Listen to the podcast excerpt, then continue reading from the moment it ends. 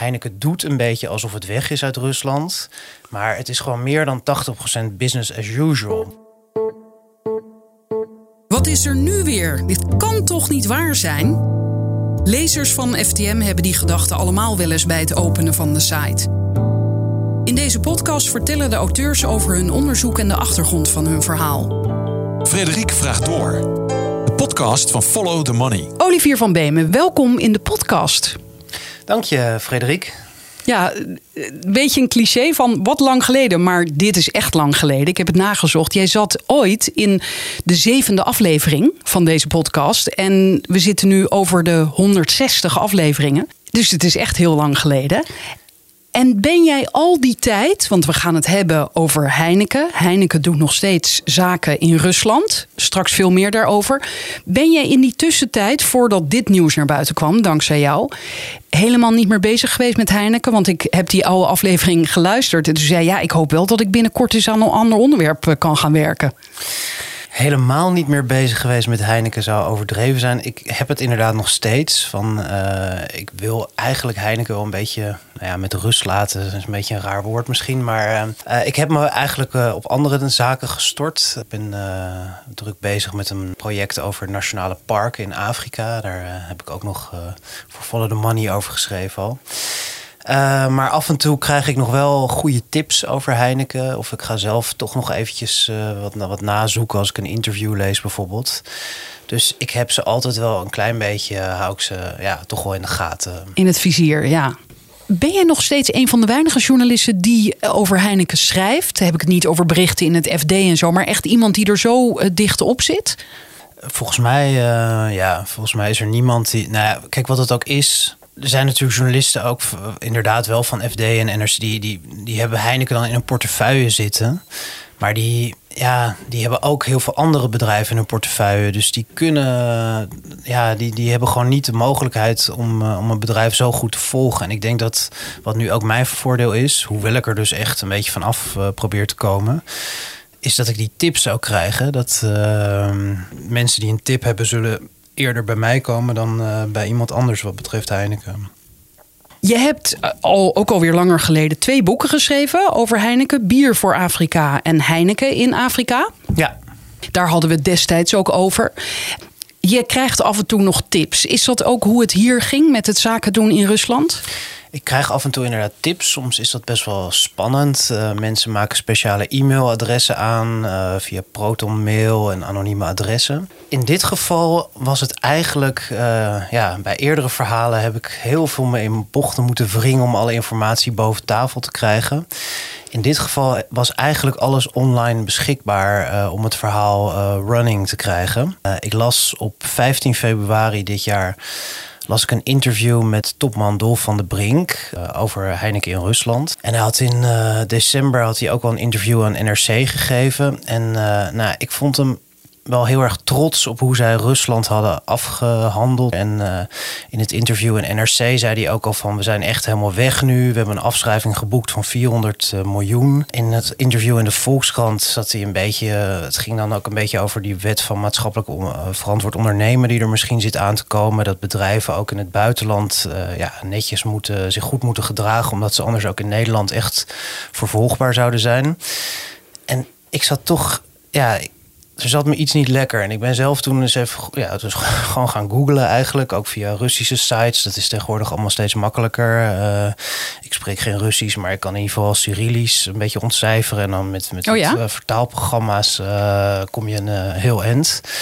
Dus toen zag ik eerst in de Russische krant Commerçant die in ieder geval voor dat het allemaal zo uit de hand liep, een betrouwbare krant was, voor zover ik weet. Dat Heineken nieuwe producten lanceerde, nieuwe frisdranken, omdat Coca-Cola weg was. Toen dacht ik al van, nou, dat is, dat is toch wel heel anders dan, uh, dan wat ik tot nu toe gezien heb. Want Coca-Cola hield zich dus wel aan de sanctieafspraken. Ja, de, de, de producten van Coca-Cola, van Pepsi waren uit Rusland weggehaald. En Heineken dook dus eigenlijk in dat gat. En dat, dat stond gewoon in commerçant te lezen. En toen ben ik nog eens wat, uh, wat verder gaan zoeken. En toen uiteindelijk ja, stuitte ik op de website van Heineken in Rusland zelf.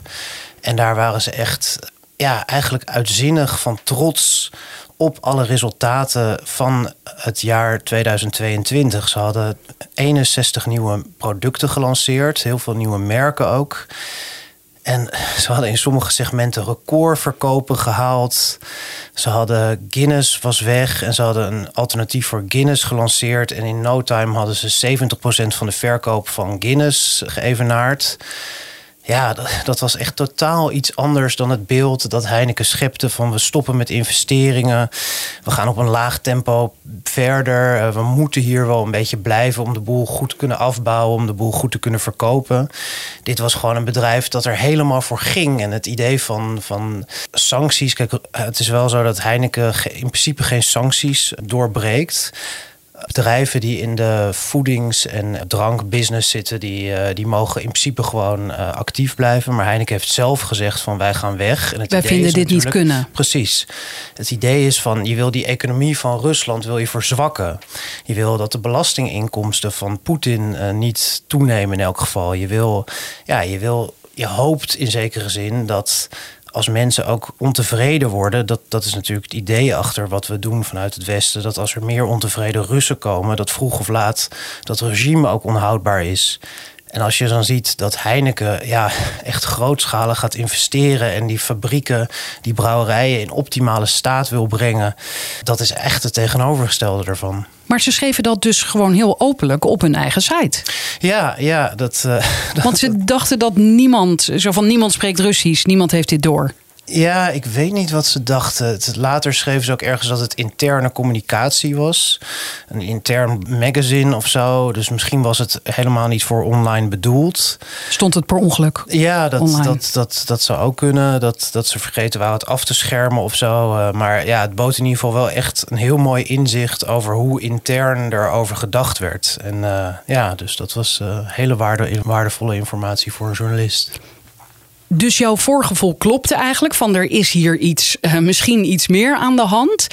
En er was, neem ik aan, nog meer aan de hand dan jij misschien al vermoedde. Want ze zijn, waren dus nieuwe producten aan het lanceren.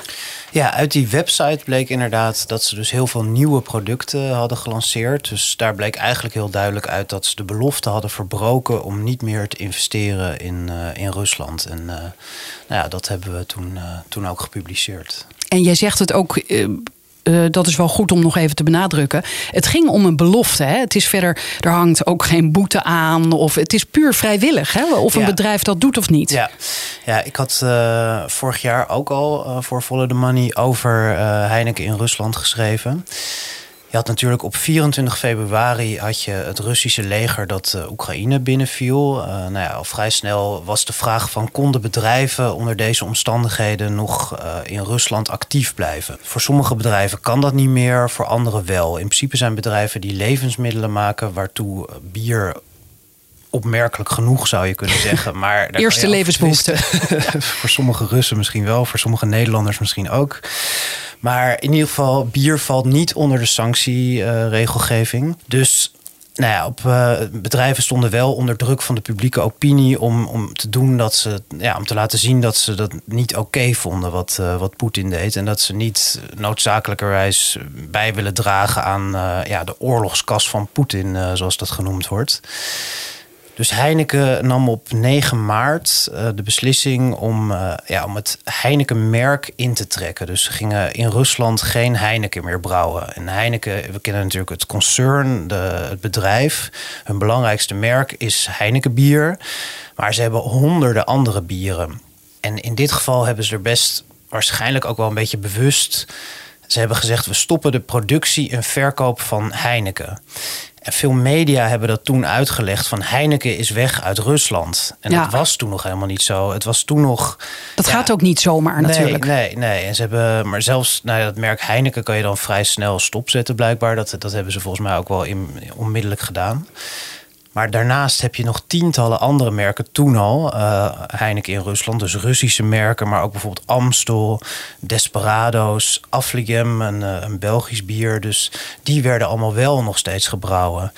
Dus toen heb, ben ik op een gegeven moment uh, gecontacteerd, ook door een, uh, een, interne bron bij Heineken, die daar best wel verbolgen over was. En die zei: Ik ben ook zeker niet de enige. Ik heb vrij veel collega's die, ja, die zich daar ook zorgen over maken. Van Heineken doet een beetje alsof het weg is uit Rusland, maar het is gewoon meer dan 80% business as usual. Dus er waren veel mensen intern, uh, waren daar ook verbolgen over. Dat heb ik ook opgeschreven. Op donderdag 28 maart was dat. En later heb ik in een NRC-interview gelezen dat dat precies ook de dag is dat Dolf van der Brink, de topman van Heineken, heeft besloten dat Heineken echt weg moest uit Rusland. Dat hebben ze zelf dan op 30 maart bekendgemaakt. Maar ja, het is dus inderdaad, zij hebben zelf eigenlijk willen laten zien van wij zijn een, een ethisch bedrijf. Wij zijn een bedrijf dat over dingen nadenkt. Wij hebben ons moreel kompas op de juiste manier afgestemd. Ja, en dan moet je ook doen wat je zegt. Maar dat uh, gebeurde in eerste instantie dus niet. En wanneer dacht je, nu kan ik erover publiceren? Nu heb ik voldoende bronnen en informatie? Nou, toen ik had ontdekt dat al die nieuwe merken er waren, toen heb ik eerst nog geverifieerd natuurlijk van uh, is die website niet nep? Uh, klopt het Russisch allemaal? Klopt, uh, kloppen de vertaalmachines? Ik heb het ook aan native speakers laten zien en mijn bron ook mee laten kijken, tenminste naar of het authentiek allemaal leek. En ja, het, het klopte allemaal. Dus uh, uiteraard Heineken zelf ook uh, gevraagd naar uh, wat, ja, wat, ze, wat ze daarover te zeggen hadden. En waarom ze die belofte hadden gebroken om niet langer te investeren. En belde je gewoon naar de persvoorlichting? nou, meestal e-mail ik. als ik iets over Heineken schrijf, dan e-mail ik met ze. In dit geval ook. Soms probeer ik ze wel eens te bellen, maar dan, uh, ja, dan nemen ze eigenlijk mijn nummer nemen ze nooit op. Je bent niet heel populair, nog nou, steeds niet. Ja, ik heb het. Ik heb het. Uh, ik heb laatst toen ik een boek over Heineken in Afrika schreef, toen had ik contact met een vorige persman en daar had ik op zich een vrij normale werkrelatie mee. En uh, maar de, de, er is nu een nieuwe en ja, die. ik heb hem laatst voor het eerst ontmoet vorige week op de aandeelhoudersvergadering.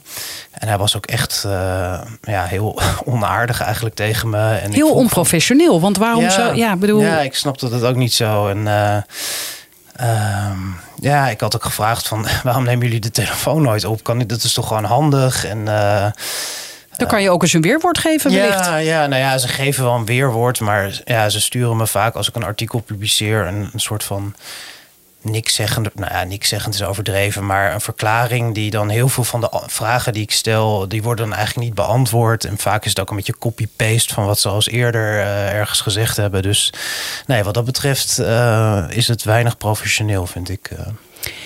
En op die manier kan je ook nooit een reactie echt verwerken in je stuk. Dus het is ook tot nu toe steeds, nou, ik heb dit uh, waargenomen en ik publiceer het. En daarna komt er dan, nou, er kwam een ontkenning eigenlijk. Hè? Ja, in eerste instantie uh, reageerden ze inderdaad nauwelijks. Toen ik die 61 producten en die verbroken beloften naar buiten bracht, toen kwam er later, het, werd overal overgenomen. Dus door alle NOS, door RTL, door uh, nou ja, alle grote nieuwsmedia.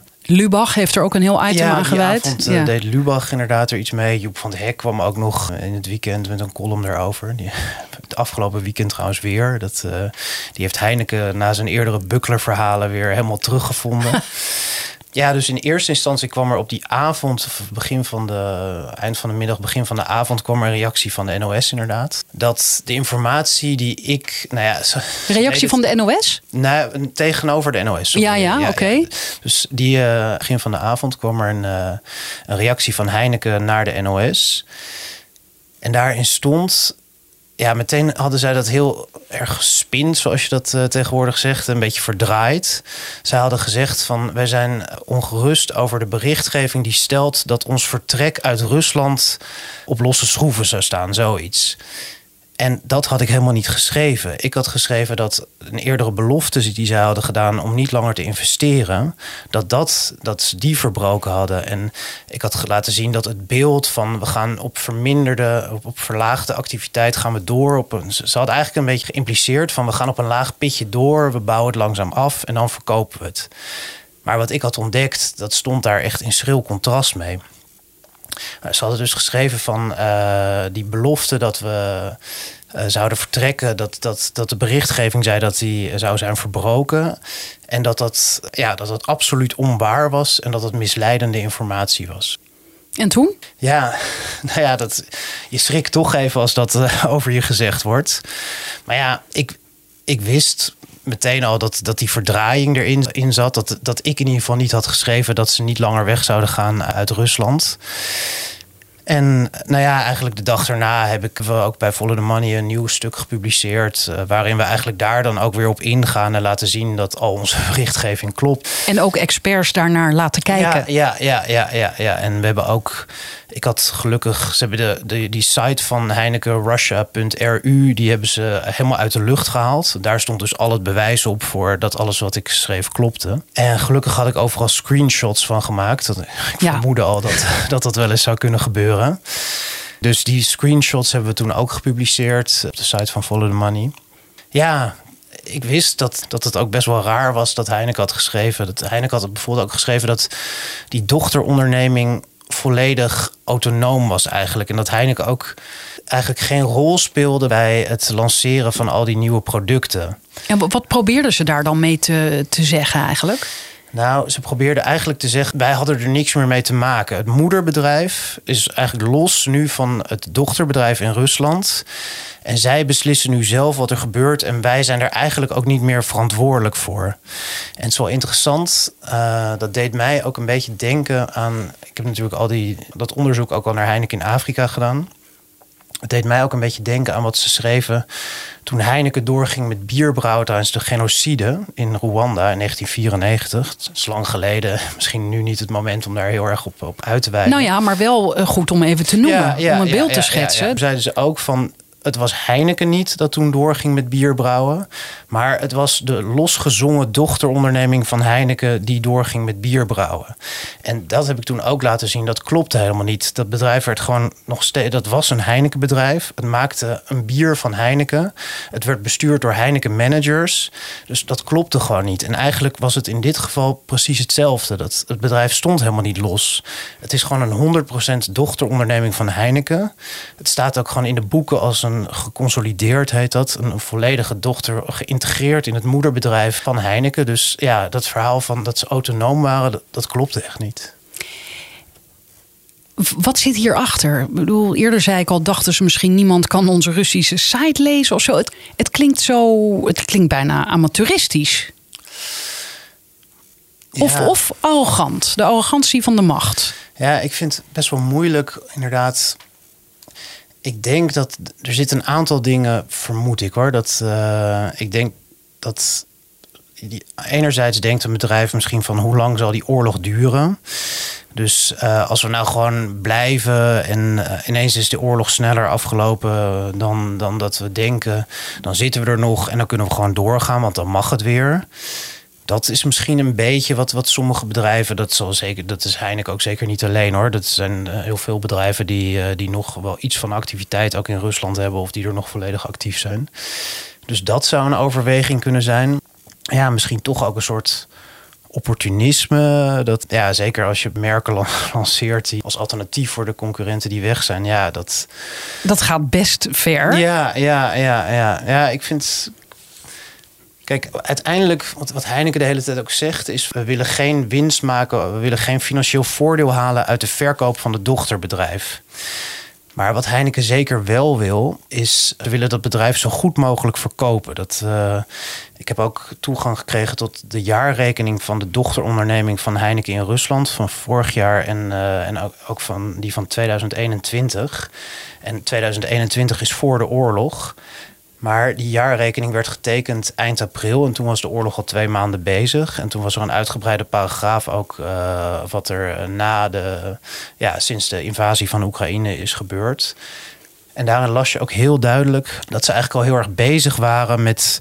Die, die, die nieuwe producten die stonden al gepland. En uh, er, er was ook een zinsnede waar het eigenlijk bleek dat zelfs de directeur, de Nederlandse directeur van Heineken in Rusland enigszins in twijfel trok of Heineken nou echt, nou, of het in ieder geval urgent was dat Heineken wegging. Ze waren nog heel erg met de toekomst bezig. Dus je vraagt je een beetje af, ja, even een beetje rekken en in ieder geval dat bedrijf zo goed mogelijk maken. Dat stond er ook echt letterlijk in, van in optimale staat brengen. Zodat je er zoveel mogelijk Ja. voor krijgt bij de verkoop. Precies, en zodat Heineken dus eigenlijk zijn verlies in Rusland beperkt. Want aanvankelijk was ook het verlies op ongeveer 400 miljoen geschat. Inmiddels is dat, eh, nou ja, schat eh, de, de, de topman het op 288 miljoen. Dus dat is al best wel een stuk lager. Dus ze willen gewoon, het is voor Heineken heel belangrijk om, om zo min mogelijk te verliezen op die Russische investering. Dat deed mij ook denken aan wat jij ooit in die, eh, een van die allereerste afleveringen in de podcast eh, zei. Ehm, jij zei toen over jouw onthullingen over eh, Afrika, Heineken in Afrika. De onthullingen die ik doe zijn vaak incidenten. Maar in mijn boek Heineken in Afrika laat ik zien dat er iets structureel mis is. Misstanden uit het verleden worden verzwegen. En nou ja, toen ging je verder vertellen dat dat structurele, ehm, dat lijkt hier ook weer aan de hand te zijn. Dus zit het in het DNA van het bedrijf? Ja, ik vind het moeilijk te zeggen, maar het is wel echt heel duidelijk dat er gaat structureel en ook in de tijd gaan er gewoon steeds dingen mis bij dat bedrijf. En het is moeilijk, vind ik, om te vergelijken, omdat ik geen vergelijkbaar onderzoek met een, naar een ander bedrijf heb gedaan. Misschien werken alle bedrijven wel zo. Ehm, Nou ja, ehm, om maar wat te noemen, die hebben we al genoemd. Coca-Cola niet. Althans, in dit voorbeeld. Die zijn wel Nee, weggegaan ja, uit Rusland. ja, ja. En hebben ook verlies geleden daardoor. Nee, maar er is inderdaad wel echt iets dat eh, bij Heineken gaat, het, gaat er wel heel veel mis. Op dit moment ook, eh, nou ja, ik heb ook voor the Money over Myanmar gepubliceerd. Dat, eh, daar zit Heineken eigenlijk in een situatie die in sommige opzichten vergelijkbaar is met die van die in Rusland. Dat het geld, de belasting die Heineken daar betaalt, en dat is heel veel geld. Dat is een hele belangrijke inkomstenbron voor een verschrikkelijke eh, militaire dictatuur die daar zit en die daar dood en terreur zaait. Nou, Heineken blijft daar ook gewoon zitten en, eh, en accepteert de rol die ze daar spelen als, als belangrijke belastingbetaler. Tegelijkertijd is misschien iets meer anekdotisch, maar toch ook wel, laat toch wel zien wat, wat Heineken nu doet met, met die statiegeldblikjes. Hè, dat, eh, Ja. Sinds 1 april moet er op elk blikje moet statiegeld zitten.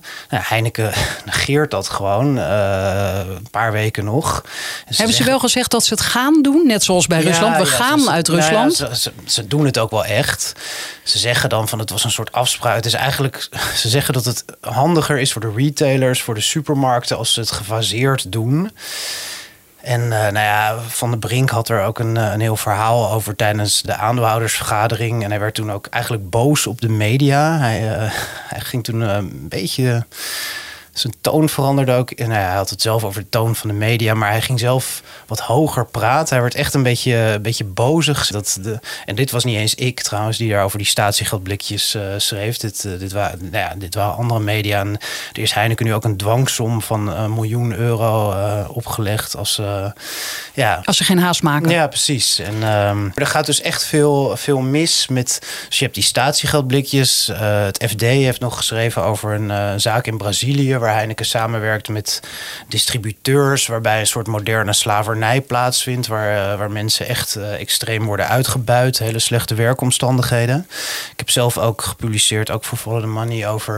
Het is wel wat langer geleden, maar eh, over landroof die in Ethiopië, die bij de bouw van een brouwerij van Heineken in Ethiopië is een, ja, eigenlijk een boerendorp. Die moesten allemaal weg. En bij het, het ontruimen van het land zijn ook mensen, eh, ja, in ieder geval die tegen mij gezegd hebben dat ze zijn gemarteld door de politie. En dus er, ja, er gaat wel echt veel mis bij en rond dat bedrijf. Ja, ik vind het heel moeilijk om nou te zeggen of dat echt in het DNA zit. Ja, dat gaat misschien wat ver. Ja, Want dan maar- dat suggereert ja. dat iedereen die daar werkt dat ook in Ja. zich zou hebben. Terwijl jij krijgt juist klachten van mensen die daar werken. Ja, ja dat, is, dat is inderdaad ook zo. eh, dat, ja, maar het is, het is in ieder geval, er zit, er zit iets, er gaat iets, iets mis. En eh, mijn aanvankelijke onthullingen waren onder een andere topman dan de, onder de huidige topman. En de huidige topman hoor ik van interne bronnen dat, eh, dat hij zich juist heel erg erop laat voorstaan. Dat hij, dat hij heel erg modern is in die zin en heel erg juist met, met bedrijfsethiek bezig is. Dat hij graag een corporate citizen wil zijn. Dat hij ook, Wat is eh, dat? nou ja, dat een bedrijf dat zich zou zich volgens moderne opvattingen moeten gedragen als een corporate citizen. Dus dat betekent dat je heel veel waarde hecht aan maatschappelijk verantwoord ondernemen. Dat je niet erin staat van ik wil alleen maar mijn winst maximaliseren. Maar ik wil me ook goed gedragen en ik wil nuttig zijn voor de hele maatschappij. Dat, oh, uh... dat heeft hij ook echt zo, dat, dat draagt hij uit. Ja, ja, nou ja.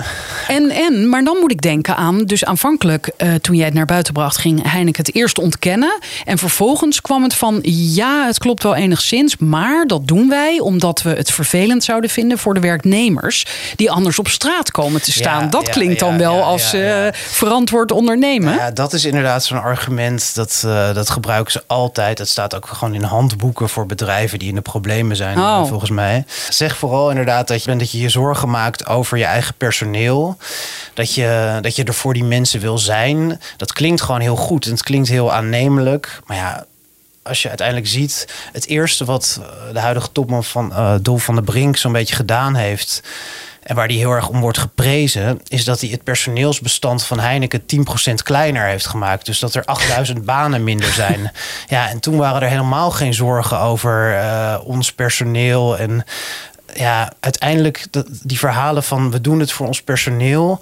Wat is nou belangrijker? 1800 mensen in, in Rusland of een land dat in het puin wordt geschoten en, uh, en ja, de topman van Heineken die probeert heel erg de nadruk erop te leggen dat, dat Heineken een, ze heel veel belang hechten aan maatschappelijk verantwoord ondernemerschap.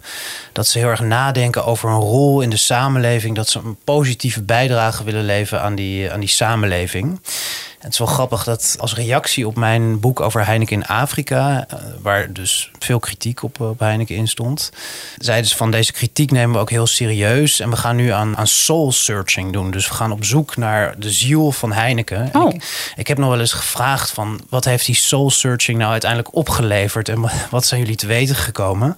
Maar daar hebben ze nooit op gereageerd. Maar nou, tot mijn verbazing begon Dolf van de Brink eigenlijk al vrij snel tijdens die aandeelhoudersvergadering zelf over die ziel van Heineken te praten. En um, dan kwam hij tot. Ja, ja, je zoekt nu even een quote. Hè? Ja, ja? ja, hij had het over de purpose en onze waarden, ofwel de ziel van onze organisatie. En die kon volgens hem worden samengevat in de slogan: We brew the joy of true togetherness to inspire a better world. en hij vertaalde het zelf. We creëren onvergetelijke momenten die ons samenbrengen en verbinden. Momenten die helpen de wereld vrolijker te maken. Ja, oké. En hoe viel dat bij de aandeelhouders? Nou, de aandeelhouders vonden het wel, uh, wel de meeste vonden het wel prima. Tenminste, de aandeelhouders waren wel kritisch, maar zij vielen niet zozeer over deze opmerkelijke slogan. slogan. Ja, maar ik dacht, als je echt samen, als je echt gaat nadenken over, uh, ja, over van wat, waar sta je voor als organisatie? En je komt met, met We Brew the Joy of True Togetherness to Inspire a Better World. En het was ook nog eens Dat gaat ver. Ja, ja, en ze lieten dan vlak daarna een, een, een nieuw filmpje zien, een nieuwe video uh, van een uh, reclame. En dan zag je een vrouw die allerlei pech had. Ze liep door de regen, ze miste een taxi. En uh, nou ja, het was echt een pechdag voor haar. En dan ging ze uiteindelijk in er eentje ging ze achter de computer zitten met een flesje bier, met een flesje Heineken. En dan ging ze een beetje gamen met, met vrienden online. toen dacht ik van, is dit nou wat Heineken wil uitstralen? Is dit true togetherness? Dat je in je eentje met een fles bier achter je computer, computer zit te gamen. Nog een beetje het corona-gevoel eigenlijk. Ja, ja, nee. Dat, maar blijkbaar, ze zeiden ook tijdens die, die, die aandeelhoudersvergadering... dat er 1,2 miljard mensen zijn die online gamen. Dus ze zijn misschien bang dat die mensen minder bier drinken... omdat ze niet met hun vrienden naar de ja, kroeg gaan. Ja, ja, ja. Dus dat ze die ook op een manier moeten zien te bereiken. Maar ja, als ze over die, die true togetherness hebben... ja, ik weet het niet... Uh, maar goed. En over dit soort getallen gesproken, de, ondertussen gaat het heel goed hè, met het bedrijf. Ja, ja qua, omzet, winst, Ja, ja, ja. Nee, aandeelhouders waren op zich, daar komen we zo op te spreken hoor. Maar aandeelhouders waren wel heel kritisch over wat er in Rusland gebeurde. Maar ze waren ook heel blij over het feit dat kwartaalcijfers zijn ook net bekend. De jaarcijfers van vorig jaar waren heel goed. Maar uit de kwartaalcijfers blijkt dat, uh, dat de verkoop behoorlijk gedaald is. Dus behoorlijk minder bier verkocht. Over de hele wereld. Ja, ja, maar Heineken is erin geslaagd om dat tegen een veel hogere prijs te verkopen. Echt nog een stuk meer dan inflatie. Dus eigenlijk, dat noemen ze dan de premiumization of zo van het. Uh, van het Maakt niet uit of je minder verkoopt. Als je het maar duur verkoopt, dan heb je hetzelfde was, was inkomen. De omzet echt en de winst waren, waren flink gestegen. En dat moet nog meer dus dat zelfs. vinden aandeelhouders heel knap op zich. Want dat laat zien dat mensen echt. Dat is ook bereid, knap. ja, ja, zeker. Dat, maar dat laat zien dat, dat mensen bereid zijn om te betalen voor dat merk Heineken. Dat, dat zoveel ja, in hun ogen goeds en, en moois en, en kracht uitstraalt. Uh. Je zei, noemde net even van, we komen er zo bij die aandeelhoudersvergadering. Was er ook kritiek? Ja, is dat zo? Ja, er was uh, felle kritiek. Uh, dat uh, vooral de, de directeur van de VEB, de, de beleggersbelangenorganisatie, die, ja, die trok echt fel van leer. Die zei bijvoorbeeld ook dat, dat Heineken eigenlijk in zekere zin in gijzeling was van Poetin, doordat ze zo lang zijn gebleven. Kijk, Heineken zegt ook van, we moeten die producten lanceren omdat we anders dat bedrijf niet kunnen verkopen. Nou ja, dat is gewoon onzin. En dat hebben ook, heeft een, een jurist, een Nederlandse jurist die nog steeds in Rusland actief is, ook tegen mij verteld. Je kan prima een verliesleidend bedrijf verkopen. Je krijgt er alleen minder geld voor. Doordat Heineken zo lang is gebleven, daardoor veranderen ook steeds de spelregels weer. En dat, dat noemt Heineken dan weer als een excuus dat ze er weer niet weg kunnen, omdat de spelregels zijn veranderd. Maar intussen is het zo dat een bedrijf dat weggaat, moet langs een commissie. En ze moeten in elk geval een soort exitpremie betalen. Ze moeten direct 10%. Aan Poetin, toch? Ja, ja. direct 10%. Is dat een nieuwe wet, vroeg ik me af? Of ja, was dat, dat, dat sinds de oorlog? Die, uh, ja, ja, ja, ja, dus, uh, in de loop van de oorlog is die pas ingevoerd. En eerst kon je dan nog kiezen of je in de loop van de tijd dat zou betalen. Maar nu is het meteen van 10% exitpremie en uh, dus meteen in de staatskas uh, van Rusland. Bleek uit die vergadering dat eh, de aandeelhouders in meerderheid ook ervoor zijn van oké, okay, dan hebben we maar wat minder winst. Maar dan gaan we eindelijk weg uit Rusland of willen ze ook weer niet zo ver gaan? Ja, het is heel moeilijk. In ieder geval de, de directeur van de, van de VEB is dat zeker. Maar aandeelhouders zijn, kijk, dit het is wel grappig, want Heineken is natuurlijk een heel erg global bedrijf. Ze zijn overal ter wereld zijn ze actief, of tenminste op heel veel plekken in de wereld zijn ze actief. En ze hebben ook aandeelhouders van over de hele wereld. En eigenlijk die, als je over ze leest, dan is het bijna alles in het Engels. Altijd hun jaarverslag is in het Engels.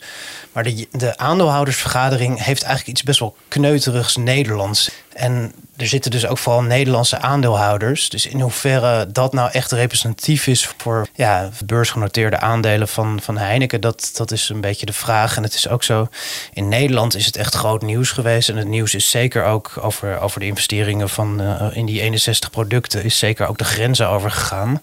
Maar het is niet zo groot nieuws geweest in de Engelstalige wereld. Dus of die aandeelhouders ook echt weten wat er allemaal precies aan de hand is, dat, dat is ook de vraag. En of ze zich daarin verdiepen, want dat ja, is... of het ze iets kan schelen. Dat, ja, want kijk, dat is ook een goed je punt. Je ziet ook dat er zijn wel aandeelhouders die echt uh, ja, die dat heel belangrijk vinden, die veel waarde hechten aan ethische zaken. Maar er zijn waarschijnlijk nog veel meer die dat niet, uh, die daar niet zo En die zullen zeggen: het is helemaal niet strafbaar. Precies, ook het is dat. puur moreel ja, om te zeggen, ja, we doen dit niet. En ja, als je het niet doet, ja, jammer. Ja, ja. Nee, en ik vond het ook heel interessant om te zien... uiteindelijk vindt een aandeelhouder... Vindt het feit dat Heineken erin slaagt om met gedaalde volumes meer geld te verdienen, dat vinden ze veel belangrijker dan of wat ze nou precies met Poetin doen. Dus dat aandeel is de afgelopen tijd ook gestegen. En het aandeel is ook sneller gestegen dan de AEX. Dus die paar mensen die ik op Twitter zag zeggen: Nou, uh, ik drink het niet meer hoor. Ik, uh, ik, uh, bij mij is er een boycott. Toen dacht ik al van: hmm, gaat dit indruk maken? Laatst ja. had ik zelf ook even dat ik. Ik zag een voordeeltje, ik zag een aanbieding. Vlak nadat ik jou had gesproken. En toen ging mijn arm naar het schap. En toen dacht ik nee. Dus toen heb ik ander bier gekocht. Maar ja, dat is, bedoel, waar heb je het dan over? Ja. Dat, gaat dat indruk maken? Nou, ik heb wel het idee dat. Kijk, ik heb zelf nooit opgeroepen tot een boycott. Uh... Nee, maar je bent ook geen activist. Nee, nee, nee. En ik drink zelf geen Heineken. En ik drink nu ook geen Heineken producten meer. Omdat ik dat gewoon, ja, ik vind het uh, bedrijf gewoon in veel opzichten uh, niet deugen. En er zijn veel betere bieren en veel lekkerdere bieren. Dus, uh, maar ik zal nooit mensen echt uh, op. En ik, weet je, er zijn vaak bars waar je helemaal geen keuze hebt. Of uh, ik was laatst bij een boeklancering. mensen ook grappen van Olivier met een flesje Heineken en zo. Weet je wel, dat ja, dat. Ik lig daar niet wakker van. maar je ziet nu wel dat er echt dat dat het wel iets meer is dan een paar mensen op Twitter die roepen uh, dat ze geen Heineken meer drinken. Joep van het Hek heeft het nu een paar keer gezegd, Arjen Lubach. Uh, dus dat maakt iets meer indruk. Dat ja. viel me ook wel op. En dit, is, dit zijn cijfers van vorig jaar. Dus dat heeft in principe niks hiermee te maken. Ja, dat, dat mensen tegenwoordig meer uh, Hertog Jan drinken in de supermarkt dan. Uh, Ga je nu reclame maken? dat viel me ook wel op. Ja. En je zei, het is ook wel in het buitenland gepubliceerd. Uh, zijn er eigenlijk reacties gekomen van andere bedrijven die wel zijn vertrokken uit Rusland? Of liggen die daar ook niet echt wakker van? Um, nou, over het algemeen is mijn ervaring dat bedrijven niet elkaar gaan zwart maken hierover. Dat vroeg of laat krijg je dat dan weer terug of zo. Dat, is trouwens ook nog wel wat, denk ook, niet zo handige uitspraak van, uh, van Dolf van der Brink. Die, uh, er werd hem dan gezegd dat toen het idee was dat Heineken echt zou vertrekken, terwijl Bavaria, dat wordt onder licentie gebrouwen in, in Rusland. Dat betekent dat ze geen eigen brouwerijen hebben, maar dat ze een soort afspraak hebben met een brouwerij die hun merk brouwt en, en verkoopt uh, in Rusland. En ze konden niet van die licentie af, is in ieder geval het verhaal van Bavaria zelf. En ze hebben dat nu wel, geloof ik, uh, geregeld dat ze binnenkort ermee gaan stoppen. Maar daarop heeft de baas van Heineken gereageerd van... Uh, ja, als je, zegt dat je, wel, als je iets zegt, dan moet je het wel doen. Oh. Ja, ja.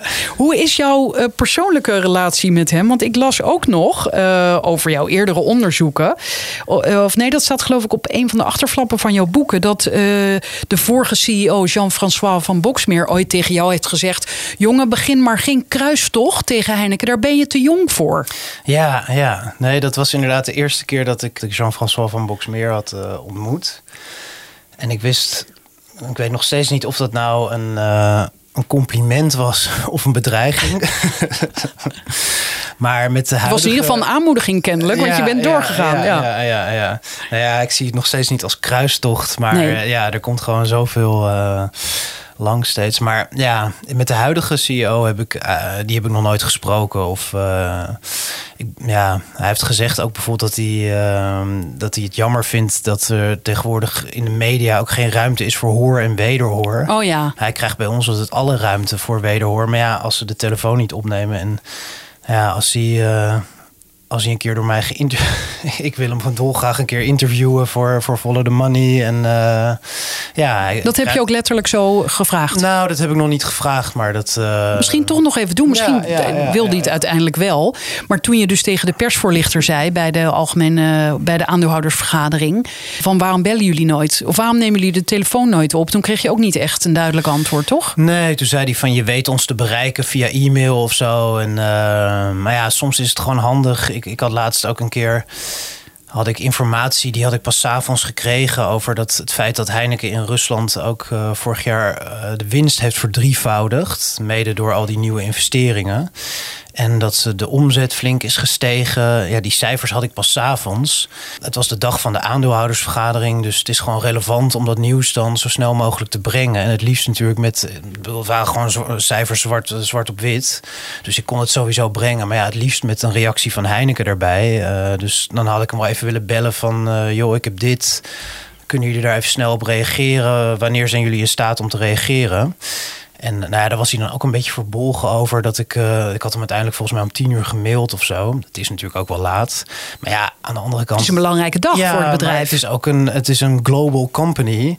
Dus. Uh, company. Ja. ze moeten gewoon als. Ja, er zijn ook Amerikaanse journalisten die iets van ze willen weten. Ja. Dus ik kan ervan uitgaan dat er wel 24 uur iemand op de persafdeling uh, zit, lijkt me. Dat, maar hoe lang heb je uiteindelijk moeten wachten op antwoord? Nou ja, het kwam uiteindelijk in de loop van de ochtend. We hadden het stuk toen al gepubliceerd. En we hebben volgens mij eind van de ochtend hebben ze gereageerd. Dus dat hebben we toen zo snel mogelijk uh, erbij de reactie gezet. ook erbij gezet. Oh. Ja, ja, ja, ja, Het loopt al met al nog uh, niet echt soepel, het contact. Nee, nee, niet echt. De politiek heeft ook gereageerd. Hè? Minister Kaag heeft gezegd in eerste instantie: als dit waar is, dan heb ik daar wel mijn vraagtekens bij. Zo'n soort quote. Is daar nog, gebeurt daar nog iets uh, over onder een van de artikelen op de site van Follow the Money? Zegt iemand: ja, er moeten kamervragen komen. En gebeurt daar iets? Of denkt de politiek: ja, maar wij, wij kunnen toch niks? We kunnen niks afdwingen. Er werd in eerste instantie inderdaad vrij fel gereageerd. Vooral Wopke Hoekstra die, die reageerde redelijk fel. Ja, uiteindelijk uh, er was iemand van een parlementariër van GroenLinks die inderdaad een hoorzitting aankondigde, wat een redelijk zwaar instrument is. Maar ja, die heeft toen zelf met Heineken gebeld, vertelde die me. En, uh, Heineken... Die kreeg toen een paar kratten beloofd. En toen... Dat zal je mij niet horen zeggen. Nee, nee, dit zijn mijn ehm, woorden. nee, maar die, die zei dat het, het ja, wat, wat Dolf van de Ik geloof dat hij de CEO zelf had gesproken. En wat in ieder geval wat iemand van Heineken hem verteld had. Dat vond hij wel zo overtuigend dat hij, dat hij dan niet meer een hoor. Het verhaal was een beetje dat dat er dingen gebeurden die niet goed zouden zijn als die algemeen bekend waren. Die niet, dus in die onderhandeling waren met, met een mogelijke Russische koper. Uh, ja, of ja, ja, ja, dat moet je niet verstoren, dat nee, proces. Zoiets, dat zou alleen maar slechter zijn geweest, zoiets. Uh, maar volgens mij, ik denk dat het over het verhaal ging wat, Rusland, wat Heineken zelf ook heeft geprobeerd.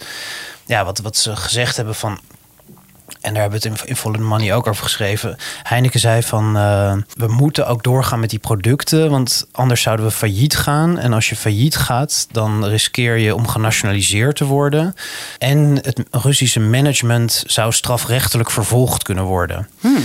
En nou ja, dat heb ik ook nagetrokken met, met experts, met sanctie-experts. Ook met die jurist die ik al eerder noemde, in, uh, die in Moskou woont. En nog met andere mensen.